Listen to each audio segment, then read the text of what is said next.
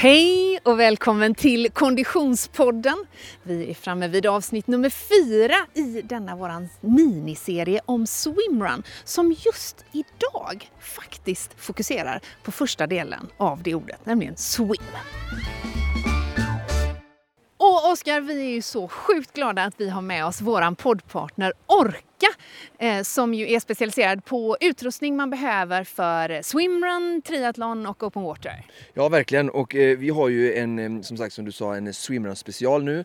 Men eftersom de även har grymt eh, bra eh, vanliga våtdräkter och för att de flesta swimrunatleterna faktiskt antingen kommer från triathlon eller har öppet vatten som en del av sin simning så vill det, var det viktigt att vi, för mig att vi hade med ett, ett avsnitt just med öppet vatten. Så att, eh, ja, mm. fokus på öppet vatten och lite långa våtdräkter så att säga. Och då, om man tittar på Orkas eh, långa eh, våtdräkter, vad är liksom specialiteten med dem tycker du? Ja, alltså för det första ska vi säga liksom att eh, Orca är ett nyzeeländskt företag som har eh, funnits sedan urminnes tider eller som är en av de stora pionjärerna inom eh, våtdräktssimning och öppet vatten och eh, är ett av de tre, fyra största märken kanske i världen. Så att eh, de är ju väldigt eh, eh, breda. Mm. de har ju liksom våtdräkter som är precis för den den, alltså nybörjaren mm. till den absoluta toppeliten här. Vi, vi, Torbjörn har varit här idag och träffat oss och, och testat den här värstingmodellen som är en väldigt van simmare. Och så det är väldigt svårt att säga exakt vad som är utan det är väldigt från direkt till direkt. Mm. Men man kan säga att nybörjardräkterna så är det såklart lite, det är ändå fokus på flythjälp eh, och eh, alltså rörlighet i axlar och sånt där. Men sen kan man säga att ju ju dyrare dräkt så får du hjälp med, då är det lite mer avancerad flythjälp så du får ett bättre flytläge i, i vattnet med hjälp av en, alltså en dyrare och bättre teknik då, därför av priset. Och sen också eh, att det här, de, är väldigt, de är kända för väldigt bra eh, material just över axlarna för att få en väldigt bra rörlighet. Mm. Eh, och sen har de ju en helt nytänkt till skillnad från alla andra konkurrenterna just när det gäller eh, armarna. Mm. Eh, att de har tagit bort väldigt mycket av flytkraften neoprenet där så det är liksom som vanligt eh, tyg nästan som de har i sina triathlondräkter som man springer och cyklar i. För att eh, armen inte ska flyta upp mot ytan för det gör den ju inte när du Eh, sticker ner handen i vattnet och söker efter ett bra grepp eller catch i vattnet. Men När du har en våtdräkt på dig då kan ju lätt armen flyta upp med hjälp av neoprenet. Så det här är någonting som jag har tänkt till på väldigt noga på deras värstingdräkt. Så att det finns massa eh, saker men, men, men, överlag så är ju Orca liksom ett, ett, ett märke som har funnits med länge och hunnit testa och ha väldigt välmeriterade simmare både inom triathlon Eh, och öppet vatten i, liksom i, bland sina elitaktiva. Mm. Och vi är så himla glada att de vill hänga med oss i Konditionspodden i den här miniserien. Tack för det, Orka!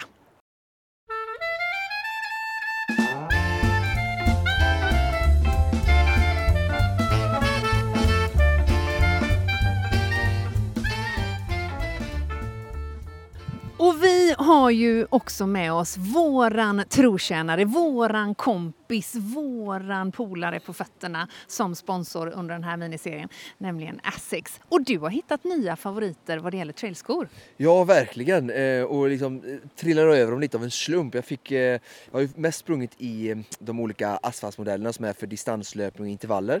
Men sen så har ju Asics länge haft en, en trailsession också, men som inte jag av någon anledning inte riktigt har, har använt eller känt till. Så fick jag och min kontaktperson skickat några modeller och eh, som sagt var lite så här halvskeptisk men man förknippar ju inte alltid Asics med eh, trail i första hand. Och eh, så hittade jag den här Fuji Trabuco Pro som verkligen är deras senaste teknik gällande just traillöpning i väldigt tuffa förhållanden och just swimrun är ju verkligen det ultimata testet för en trailsko i extrem, extrema miljöer och nordiska förhållanden som vi har här i Sverige på våra öar och skärgårdar. Så att eh, nej, den är, jag är ju som sagt frälst i den och eh, funkar jättebra och verkligen ett tydligt tecken på nu hur Asics tar ett kliv och framåt på trailsektionen och visar att de faktiskt har skor för alla typer av löpning. Mm. Snabb eh, intervaller, liksom flat racers och sen distansskor med bra uppbyggnad eh, för olika fötter och sen då även trail när man ska ut och ge sig ut i tuffa förhållanden. Mm. För det är ju ändå så att det är viktigt att välja rätt doja för rätt form av löpning. Eh, jag testade ju då på mitt eget lilla vis swimrun för första gången eh, hemma på Tjörn eh, förra veckan och hade mina förvisso Asics men asfaltslöpardojor på mig när jag dök i från bryggan. Och det är klart att det känns ju mm, onekligen som att det skulle vara bättre med en sån sko som jag fått på mig nu, den här Asics Trail-dojan. Ja verkligen, så att nu kommer du under hela sommaren kunna simspringa och sexy, göra din trail traillöpning lite sexigare genom att göra lite korta svalkande dopp mellan alla traillopp. Och jag vill också säga det om, om de här skorna och trailsegmentet och eh, det du var inne på där att eh, man behöver rätt sko för rätt tillfälle. Och det är lite det som vi ville inspirera när vi körde våran tävling där vi lottade ut en hel skogarderob från Asics med en intervallsko, en distanssko och en trailsko till, till en vinnare. Och det är just det liksom att alla som gillar löpning och vill hålla på med löpning, motionär som elit, tycker jag ska ju ha en av varje de här tre, alltså tre specifika typer av löpning. Alltså intervaller, lätt distans, mysjogg eller vad vi kallar det för. Och, och sen då trailen vi ska ut på sommarstället eller bara en härlig liksom, eh, naturreservat eh, för att få liksom, en annan typ av eh, löpstyrka, bygga upp fotleder och ja, bara få mer glädje i löpningen. Tack för det Six.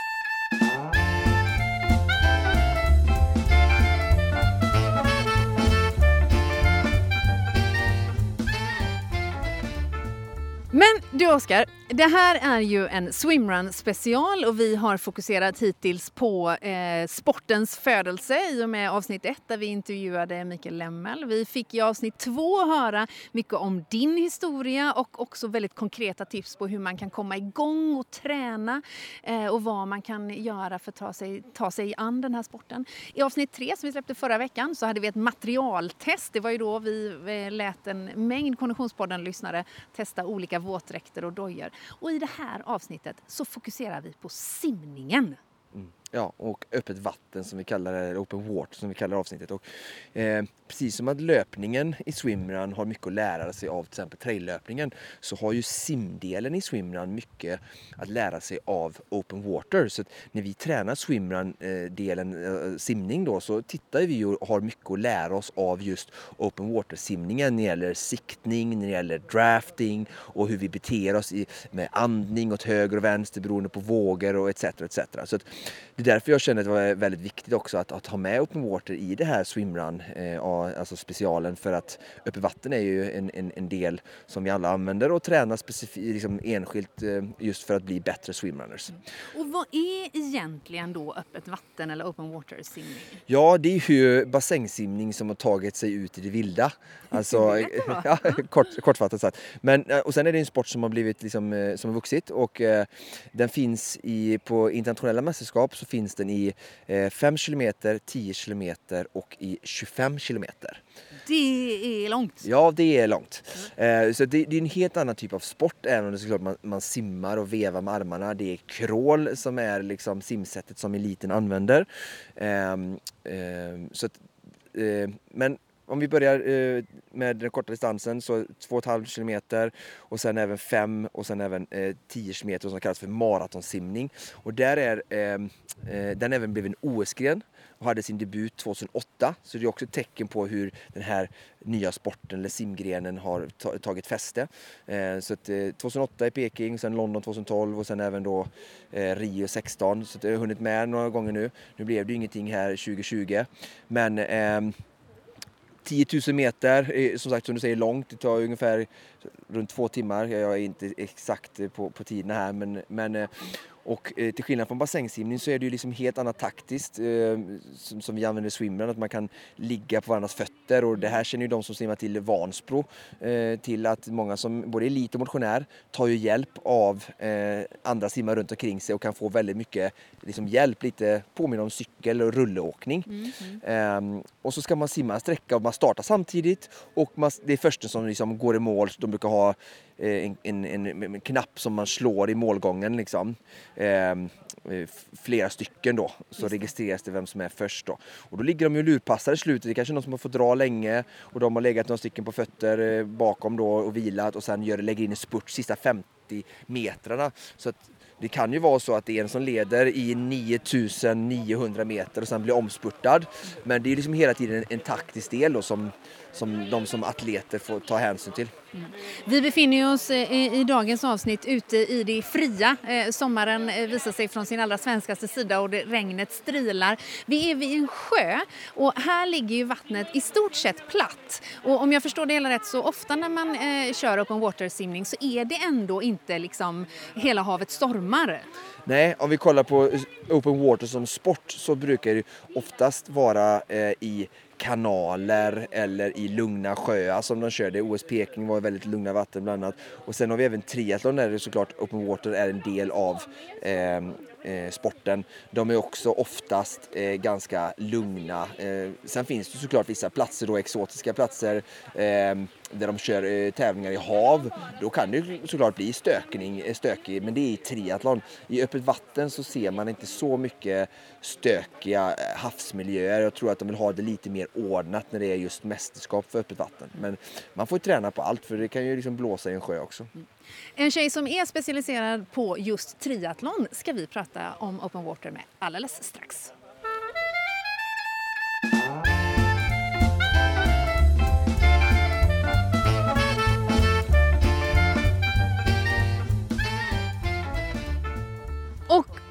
Oskar, vi har ju blivit utsläppta ur studion även detta avsnitt. Ja, du sa precis här innan vi började att eh, den här studion skulle jag kunna tänka mig att spela in fler avsnitt i. Alltså den här miljön känns ju som att den är som gjord för Konditionspodden. Var befinner vi oss? Ute vid södra Långvattnet. Mm. Det här är ju en fantastisk miljö för just swimrun som den här miniserien handlar om. Men också för simning generellt och därför har vi bjudit hit en eh, speciell gäst. Vill du snacka upp henne? Ja, eh, det kan jag göra. Jenny Nae som är en upcoming får man nog ändå säga. Hyfsat eh, ny ska jag säga till sporten triathlon som har gjort finfina resultat det senaste och är även med i det här nya proffslaget som har funnits i några år nu i Sverige, Race Eh, en Shine som hon eh, ska få berätta lite mer om. Men eh, ja, duktig triatlet och heltidsmamma höll jag på att säga, men ja, mamma och familj. Så att många lyrar i luften. Och uh, hela familjen är faktiskt med på plats. Hej Jenny! Hej! Välkommen hit! Välkommen Tack. till Göteborg och Södra Långvattnet. Tack så mycket. Det här är inte dina hemmavatten? Nej, det är det inte. Var hör du hemma? Jag bor just nu nere i Skåne, mm. på västra delen. Berätta för den Konditionspodden-lyssnare som inte är helt bekant med dig och din karriär, eh, vem Jenny Nae är. Ja, jag började med triathlon ganska sent, så 2015 gjorde jag min första Ironman eh, efter mitt första barn. Mm. Och sen, eh, sen blev det ett barn till och sen eh, körde jag en till Ironman 2017 och lyckades då kvala till, till, eh, till Ironman i min age group. Men vad, vad föranledde den eh, satsningen? Vad hade du tränat innan? Eh, lite som många andra. Man testar, eh, springer milslopp, springer Göteborgsvarvet, kör en tjejklassiker började med och sen en vanlig klassiker och sen var nästa utmaning triathlon mm. och då hoppade vi in i Ironman direkt. Det var ju långdistans vi höll på med på klassiken där så eh, ett maraton hann jag med däremellan också. Just det. Men, och, idag är din eh, träningskarriär fokuserad kring open water eh, simning. Va, hur eh, hamnade du i det? Eller, ja, min karriär är ju triathlon just mm. nu. Så sen så ingår ju open water simning i det. Just det. Så det, det är så jag, därför jag tränar open water. Mm. Och om vi, om det här är ju en, en, eh, swimrun-serie där eh, vi har tänkt att ha lite open water-fokus i just det här avsnittet. Om du skulle ta och beskriva det för våra lyssnare, vad är det som lockar dig med open water-simning? Eh, friheten att eh, inte ha en vändpunkt utan kunna simma lite mer fritt i, i, i en sjö. Jag föredrar sjöar Mm. Hav är också härligt men sjön, eh, sjön eh, inspirerar mig lite mer. Det, så bara kunna njuta av friheten här och, och vädret. Och, vi har ju här, härliga sjöar här i Sverige som är underbara. Simhallarna är inte riktigt lika mysiga. När du väljer sjö för din öppen vattensimning, är det något speciellt du tänker på eller har du några favoritsjöar och vad är det som är karaktäristiskt med de sjöarna i så fall? Framförallt väljer vi nog sjö så att barnen kan vara med så att vi kör det Mhm. oftast till heldagsutflykter så att eh, min man kör också triathlon så han vill ju också simma så det blir ofta en simmar och den andra leker med barnen och sen simmar den andra så att det blir ofta långa, långa perioder vid, vid sjöarna Ja. och då är sjön är lite, alla gillar sjön i vår familj mer. Så. Jag känner att efter de här dagarna, Oskar, så gillar jag med sjöar väldigt mycket. Ja, och det kommer bli mycket swimrun för dig nu i många sjöar. Men det Jenny, eh, eh, om du skulle ge lite tips till Konditionspoddens lyssnare. Hur skulle du säga att man tränar för att, att, att bli en bättre open water-simmare? Eh, framförallt så är det väl viktigt att träna på, alltså det är ju lite annorlunda än att simma inne för att det är många som tycker det är lite läskigt och obehagligt att simma när det är mörkt vatten och man ser inte botten och så. Så först kanske välja ett ställe där man bottnar så man kan träna på det och sen simma med andra så att man vågar ge sig ut lite, lite mer på djupare vatten och så. Uppe i vattnet var ju en del lite då redan när du höll på med Vansbrosimningen och sen har det Mm. blivit mer och mer med triathlon såklart. Mm. Hur, kan du berätta lite hur, hur upplevde du dina första liksom, minnen och kontakt med vatten och hur har du blivit mer och mer trygg eller hur din utveckling sett ut? Mm. Ja, i början måste jag säga att jag var rätt så hysterisk. Och så här, oh, fiskar och sjögräs och det tyckte jag var ganska obehagligt. Och simmade inte så långa runder i början för att det var så här, nu klarade jag detta passet och tar vi nästa gång tar jag lite längre kanske. Så, alltså, men alltså idag så, så känns det som att jag kan hålla på hur länge som helst. Jag är inte alls orolig och det, eh, nej, men det, det är något som växer på en när man gör det mer och mer. Ja, du har växt det, in i tryggheten. Ja, Mm. och att framförallt nu vet jag hur mycket man kan lita på en våtdräkt också. Så man har den på sig och man inte fryser och man kan bara lägga sig på rygg och slappna av och så flyter man. Så behöver man inte vara orolig för, för det heller. Så blir man hysterisk så lägg dig på rygg och andas lugnt. Och våtdräkten lyfter upp dig. Ja, ja. Så, så det, ja, det har växt på en tror jag. Eh, jag tänker på det här, eh, du är också medlem i, eller deltagare i det här Race and Shine, en pro, proffssatsning eh, i triathlonlag i Sverige. Kan du inte berätta lite mer om Race and Shine och hur Jenny kom med där? Jag kom med där förra året, eh, så säsongen 2019. Eh, så, så fick jag förfrågan av Mattias Brandt som är vår manager. Eh, så det är ett väldigt eh, kul upplägg där vi är flera proffs då i, i Sverige. Vi är utspridda över hela, hela landet i princip, från Falun och Stockholm och Göteborg och så jag nere i söder. Eh, eller nu är vi två där nere i syd faktiskt. Vilka Så- deltagare är det på dam och herrsidan? Eh, på damsidan nu är det nog bara jag och Frida Nöj. Ja, Och på här sidan, nu ska vi inte glömma någon här, så Nej. är det ju Oskar Järv och Ludvig Fleetwood, Rasmus Svenningsson, Robert Kalin och Morgan Björkqvist. Hoppas jag inte jag har glömt Nej. någon här. det. Var, var det någon speciell eh, prestation eh, under 2018 som du gjorde som gjorde att de, Magnus och de andra fick upp ögonen för dig och ville ha med dig i den här satsningen?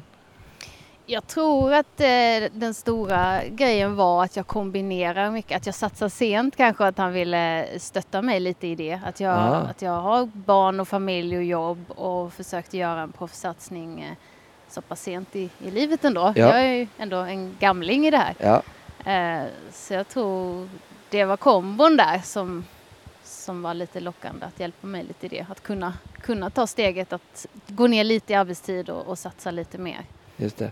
Och ni får hjälp med utrustning och material eller hur, är, hur ser upplägget ut? Eller hur? Ja, jo, men vi har några sponsorer som, som stöttar med, med material och så, och så Sengun som stöttar med lite, lite ekonomiskt. Ja, så man får hjälp till resor och tävlingar. Det är ganska Ja, så- dyrt att åka Ja, men runt så och att vi har resa. en lit, liten hjälp till det. Så Ja. det. Vad skulle du säga att det betyder för din satsning att ha det sammanhanget? Men det betyder jättemycket för att slippa till exempel cykeln, slippa stå för den, den kostar ju en hel del. Eh, och kunna, kunna låna den istället. Våtdräkter kostar också en del. Och våtdräkt kostar också en hel del. Om man ska ha sån fin som du All, har. all utrustning är ju, är ju rätt så dyr. Ja. Och, så det betyder väldigt mycket för att jag ska kunna gå ner i arbetstid och inte behöva ligga ute med de kostnaderna. Jättespännande. Mm. Lycka till med din satsning där. Vi ser fram emot att följa Jennys framfart i Race and Shine. Mm, när vi får tävla igen. Ja. var, eh, var sker mestadels av din träning till vardags? Eh, simningen. Mm. Mestadels så simmar jag i en sjö i, utanför eh, Löddeköping där jag bor, Saxtorpssjön heter den. Mm. Och sen ibland ute i Lomma eller i Barsebäck i havet. Och sen har vi en stuga uppe i Halland eh, där vi också har en sjö som jag brukar simma vid. Mm. Jag som är fullständigt novis inom detta. Eh, jag tänker att det måste skilja väldigt mycket när du som du säger i, Barsebäck är ju havet utanför eller i den här, nu har vi en fantastisk eftermiddag när vi sitter här vid Södra Långvattnet och sjön ligger i stort sett spegelblank. Eh, det är en bra bit över 20 grader. När man kommer ut i havet så har du ju lite andra element att ta hänsyn till tänker jag. Hur, hur, mm. hur jobbar du med det? Då är det ju vågorna då i havet mm. som är både kul men också utmanande och det är nog det som kan skrämma många också så att man, man får tänka lite på hur man andas då så att man kan andas åt båda hållen och kommer en våg så ska man kunna andas åt andra hållet mm. istället mm. och få luft där. Så träna på att eh, sikta och andas oavsett om det kommer våg eller inte och då hålla andan mm. och inte få panik över det Just eh, siktning och andning är ju två av de komponenter som jag misstänker är viktiga att träna på. Mm. Eh, hur tränar du? Händer det att du tränar i bassäng på det? Det händer. Ja, det händer att jag ibland, eh, framförallt i uppvärmningen, kanske simmar och, och, och tränar just på att titta fram och sen andas mm. åt sidan. För det är så att man inte andas framåt sen när man kommer ut. Och man är glömt bort hur man gör. Så att jag, jag tycker det är bra att man gör det lite i bassäng, uppvärmningen kanske för att inte glömma det under hela den långa innesäsongen man har. Exakt. Finns det andra sådana teknikkomponenter som du tycker att det är viktigt att, att, att träna på inför eh, eventuella tävlingar och liknande? Ja, sikta mm. då som vi sa. Eh, att eh, då vid ja, men ta ut en punkt som jag ska sikta på, den trädtoppen och så yeah. siktar man på den eller den stenen där så man tittat ut innan vad man ska. För det, det tycker jag är väldigt viktigt under tävling sen att man det finns ju ofta bojar men det är inte alltid man ser de där bojarna för att om det är en våg så kan vågen, den täcker ju väldigt Exakt. mycket så att även på tävlingen har gått innan och kollat om jag är vid den här bojan, men då finns det ett riktmärke där jag kan kika efter och bojarna är liksom slutmålet man kanske ser mm. när man närmar sig men innan det kanske man behöver ta sikte på någonting lite längre fram, längre bak. Sen eh, jag tänker i tävlingsförhållanden när man tränar inför det eller folk som ska göra motionslopp, både Vansbrosimning eller triathlon så är det ju ofta, är man inte ensam. Nej. Utan det finns ju mycket medsimmare som man kan dra nytta av till exempel och sådär. Hur, hur, har du någon möjlighet att öva i grupp? Eller så jag tänker speciellt du som är i proffsklass, det är viktigt att kunna liksom lära sig att simma på fötter och sånt där. Mm. Kan du få möjlighet att träna med andra? Absolut, jag har ett bra gäng som jag kan simma med eh, nere i Lödde.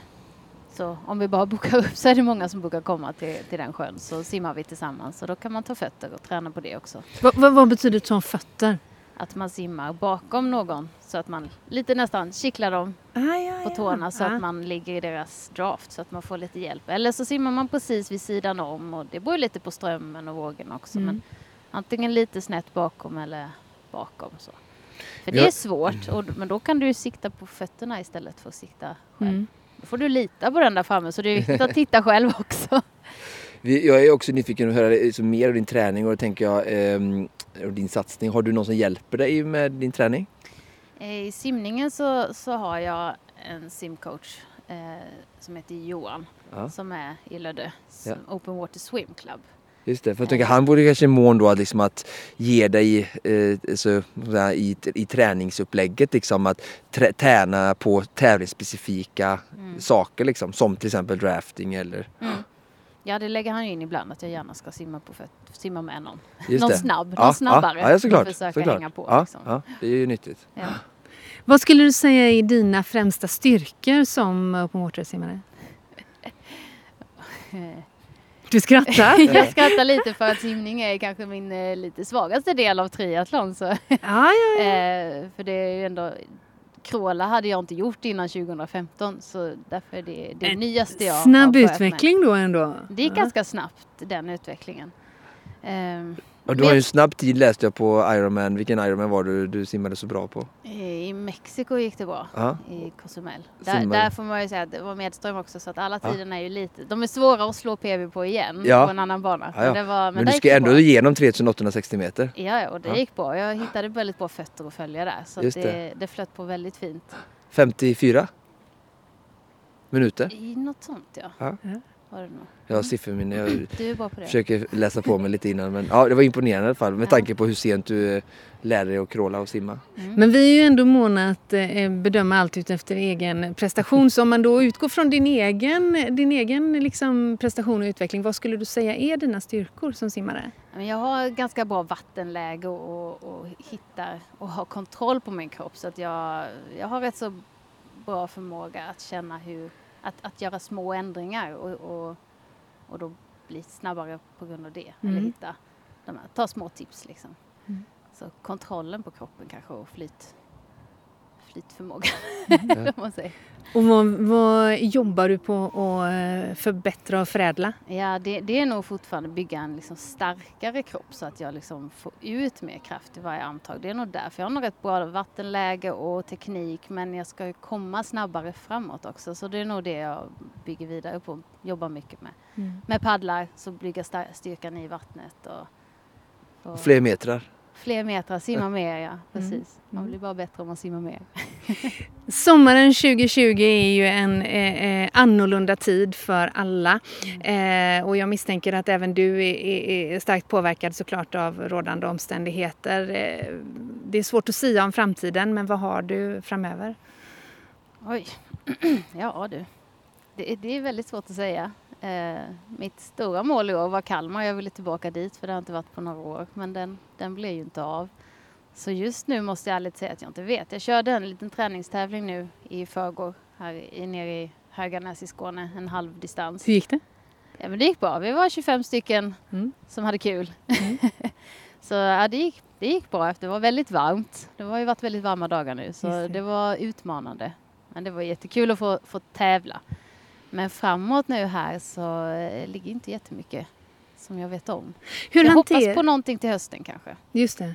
Hur hanterar du en sån här situation och en sån här period när det då har blivit omkullkastat och, och inställda tävlingar? Vad, hur tar du dig an din träning då? Eh, För det första försöka att göra, men fortsätta göra det jag tycker är kul och det jag är sugen på. Så att kanske, och så fortsätta då och, och bygga upp uthålligheten och lägga in lite mer långpass och kunna liksom bygga, Mm. satsa på nästa år. Mm. Men det är lite mer kanske så här spontana grejer. Är jag sugen på det där så gör jag det. Jag sprang något maraton och det var inte planerat att jag skulle göra men jag var sugen på det så då gjorde vi det. Kanske kul att simma något lite längre, typ 10, 10 kilometers eh, simning över sundet eller, eller så här, till någon ö eller något. Så hitta på lite mer utmanande grejer kanske som inte jag skulle gjort om det var tävlingssäsong.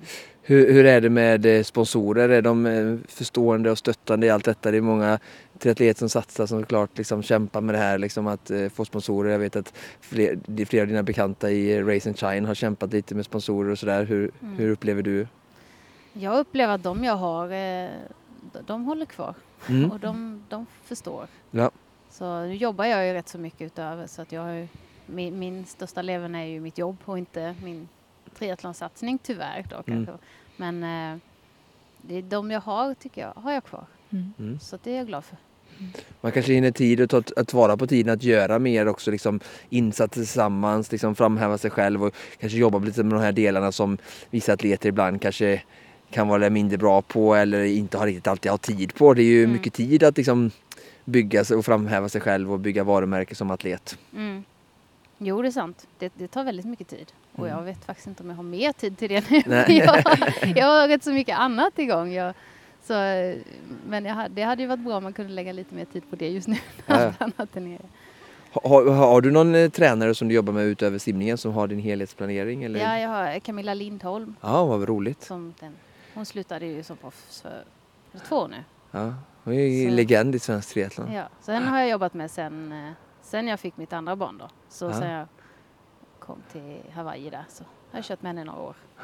Då får du kanske bra guidning nu att ta dig igenom den här eh, Ja, perioden jättebra. med att fokusera på andra saker innan vi vet när, tävlingen nästa Mm. Ja, så ska ske. jag, jag litar på henne så jag bara slappnar av. Men, men vad har du, om vi tittar framåt i Vika, vad har du för, för målsättningar? Ironman nu eh, har du inte kvalat till då. Eh, det kommer verka ändå som att det kan bli vissa Ironman-tävlingar i höst. Är du Mm. öppen för det eller? Jo, men det är jag nog. Ehm, någonting i Europa skulle jag hoppas på då. Ja. Ehm, Barcelona kanske eller Ja. Italien hade kul men ja, vi får ju se. Jag, jag är inställd på någon av dem eventuellt kanske så, så får vi se hur gränserna öppnas. Om vi tittar lite på, vi var ju här i alldeles nyss du och jag och doppade oss i det härliga vattnet. Mm. Vi, om vi tittar lite på utrustning som du kanske får från eh, bland eh, några av dina sponsorer. Vad, vad är det för saker du tycker är viktigt att ha eh, när man eh, tränar öppet vatten? Eh, en våtdräkt En våtdräkt? Mm. Eh, Om vi stannar där lite, vad, vad tycker du är speciellt du tycker extra viktigt man ska tänka på när man ska köpa våtdräkt eller välja våtdräkt? Eh, det, där är ju våtdräkterna uppbyggda lite beroende på vad du är. Om du är nybörjare och hur Mm. du har ditt flytläge så att man provar och gärna om du har någon, som du, någon lokal simbutik där du kanske får prova. Ja. Två. De har ofta så här testa på så att du kan testa i bassängen olika och känna efter vilken som känns bäst. Och, Ja. Så, ja, så att man, man testar, helst inte bara köpa en utan Mm. testa ut den i vattnet Ah. och inte bara på kroppen utan Just det är det. lite annat sen hur känns det i axlarna och hur känns det över bröstet. Och, Och det är ju lite, vi pratade om det du och jag stod, tog på oss våtdräkter att det är inte så lätt alltid att ta på sig våtdräkt på rätt sätt heller. Så nej. det gäller ju verkligen att ha, lite- få lite kanske hjälp om eh, hur man tar på sig dräkt som sitter rätt. Det är ju rätt, sitter den fel så kan ju alla våtdräkter nästan kännas obehagliga och Ja, obekväma. precis. Det är svårt att få upp den hela vägen till, Ja, grenen och ja. armarna och den ska ju sitta tight så Ja. det ska ju vara svårt att få på den så, Ja. så man inte ger upp om du inte... Nej, och ta en större storlek till exempel, då kommer det in massa vatten så Nej sjunker men man. precis, det, är lätt, de, det vanligaste misstaget är nog för stor storlek Just det. Tror jag. Och vad är det mer än våtdräkt?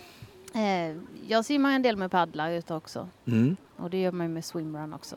just det. Eh, och eh, jag, jag kör inte med dolme när jag Nej, simmar öppet nej. vatten men det gör man i swimrun. Ja. Men eh, en sån här boj så att man syns, Just det. flytboj om du Använder du det när du är själv? Mm. Eh, om jag är själv absolut. Inte alltid när vi är många. Eh, men när jag själv gör jag det.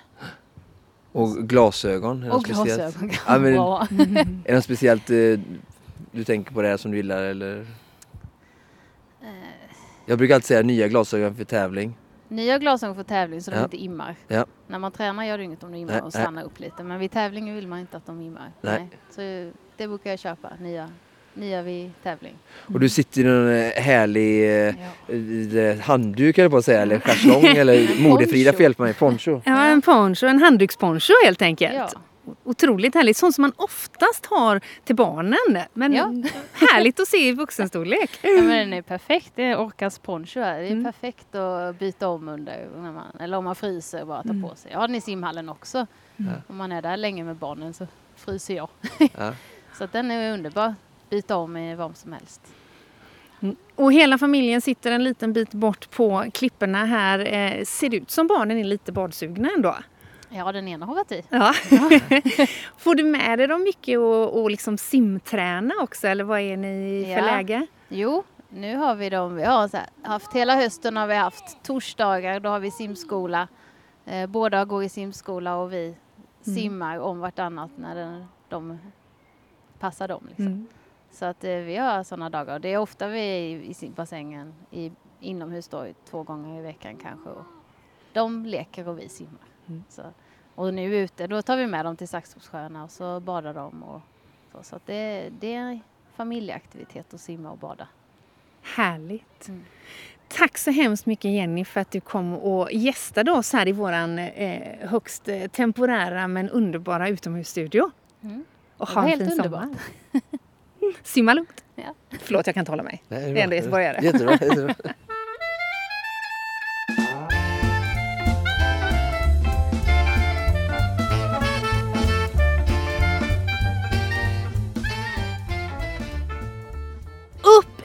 vattnet med ett lyckligt leende kommer Torbjörn. Hej Torbjörn! Hej!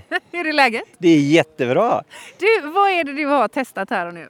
Jo, jag har fått låna en våtdräkt av Oskar som heter Orca Predator. Mm. Och han, eh, vi pratade så vidare förra veckan, så du måste komma dit ner till swimrun-övningen här för att du ska få prova en ny våtdräkt och den är så fantastiskt bra sa. Och jag tänkte det säger man alltid. Ja. Men jag måste säga att den var fantastiskt bra. Ja. Och du har ju faktiskt ja. att jämföra med. Ja precis. Jo men jag har simmat jättemycket och eh, öppet vatten och provat många våtdräkter så, jag, så det, det, har jag faktiskt gjort. Mm. När eh, Oskar och jag pratade lite innan eh, du kom här så sa Oskar att om Torbjörn kommer så måste du fråga, fråga. Om Kalmar eh, 2012 var det det? Ja just det, 2012 ja. ja precis. Vad var det som hände då? Jo men eh, då höll jag på med triathlon så då körde jag Ironman där i Kalmar och eh, då hängde jag med. Då fick man starta samtidigt som proffsen nämligen, vi är även gamla gubbar sådär. Och då, då hängde jag med de här bästa proffsen där så det var så roligt då. Ja. Men, men eh, du, du, låter lite förvånad över att du gjorde, hängde med på det sättet? Jo men de är jätteduktiga. Alltså proffsen är proffs och jag är ändå bara amatör och tränar ju kanske en tredjedel så mycket som dem. Så det, det får man ändå säga att det är man ju förvånad. Mm. Men du har ju tränat tränat väldigt mycket i dina dagar. Ja, just det. Jo, men jag höll på med elitsimning eh, förra århundradet där så att eh, jag höll på att tävla på SM-nivå i alla fall då i simning, i bassängsimning då. Mm. Vad var dina specialiteter och distanser då? Ja, 200 fjärilsim var min specialitet. Det var det jag simmade på SM där. Men när blev du biten av open water? Ja, det blev när jag blev sugen på att prova om man kunde göra en Ironman där och det var ju någon form av 40-årskris. Så tänkte jag att det här verkar som att det här är omöjligt men det kanske går då. Så ja. tänkte jag att simma kan jag klara av och, och, cykla vet jag inte om det går men springa kanske går då. Men då började jag träna då lite seriöst för att se kan jag prova klara det här. Så jag gjorde en tvåårsplan och då blev det öppet vatten då. Mm. Och vad skulle du säga är eh, liksom charmen med open water i relation till bassängsimning?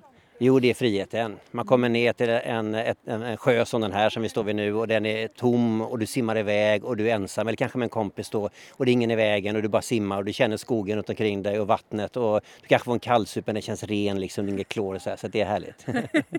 Man hör att du har ett antal längder i bassängen bakom Ja, dig. jo det är det. Man har räknat de där kakelplattorna några gånger där så att eh, friheten ska man inte underskatta. Du Torbjörn, vi befinner oss vid Södra Långvattnet eh, strax utanför Göteborg eh, till andra änden av den här sjön. Hur långt ja. har vi dit? Ja, 910 meter ungefär eh, får vi fram till. Ja.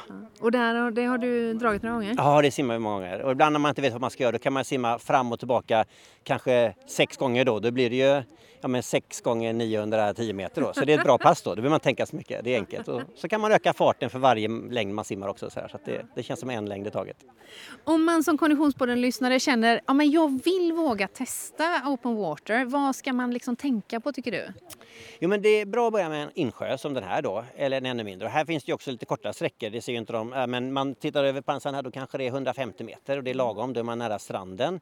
Man ska tänka på att man alltid har med sig en kompis tycker jag, så man har någon och, men man kanske blir lite orolig, tycker det är lite otäckt när det är mörkt och sådär, så då har man någon bredvid sig. Och sen någon, eh, kanske någon färgglad badmössa eh, också så kan man se varandra lite bättre.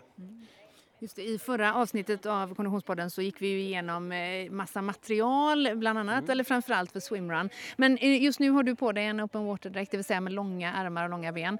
Eh, du hade ett lyckligt smile sa jag när du kom för vattnet och det var en bra dräkt. Det var en jättebra dräkt, den är så här skön och det är ny dräkt, det är alltid ny dräkt. Det är som en ny bil eller en ny cykel eller vad som helst, nytt är ju nytt ju. och den här känner man direkt när man hoppar i, åh den glider så fint, jag behöver inte göra någonting. Jag kan bara ligga här och, njuta av glidet verkligen, så, så kändes det. Inte göra någonting i 910 meter. Nej, nej precis. Nej, nej, precis. Det var bara att ligga och vänta. Det var som att åka båt nästan. Ja. Men du Torbjörn, jag, jag, kan inte låta bli att snegla bak i nacken på dig. Du, du har ett enormt skavsår. Ja, jag vet. Det var klantigt där. Jag, jag började ju simma på ett vatten nu i år, då, ganska sent, och så förra veckan. Och då första passet så glömde jag smörja in med vaselin då. Så knepet är att man ska smörja in sig innan varje pass då ordentligt. Det... Var är det vi pratar om att man ska smörja in sig? Eh, ja, men man vet ju var man brukar få skavsår och det är ja, där man ska smörja in sig. Det, om ja. det här är liksom första gången? Ja, den, där man knäpper eh, dräkten där bak i nacken, där är ett bra ställe. Och sen så på sidan också, och det hållet man andas. Där brukar man skava lite grann med huvudet när man vrider på huvudet sådär och då blir det lite skav på den sidan här också. Så upp mot, upp mot eh, hakan, kanske en bit upp på kinden där. Mm. Och sen någon annan också så måste jag smörja in örat för det verkar skapa i också så att det blir också lite blod där ibland så att det ser konstigt ut på jobbet. Ja, där ser man. Expertråd från Torbjörn här. Men det var väldigt roligt att ha dig här ikväll. Ja, tack så mycket.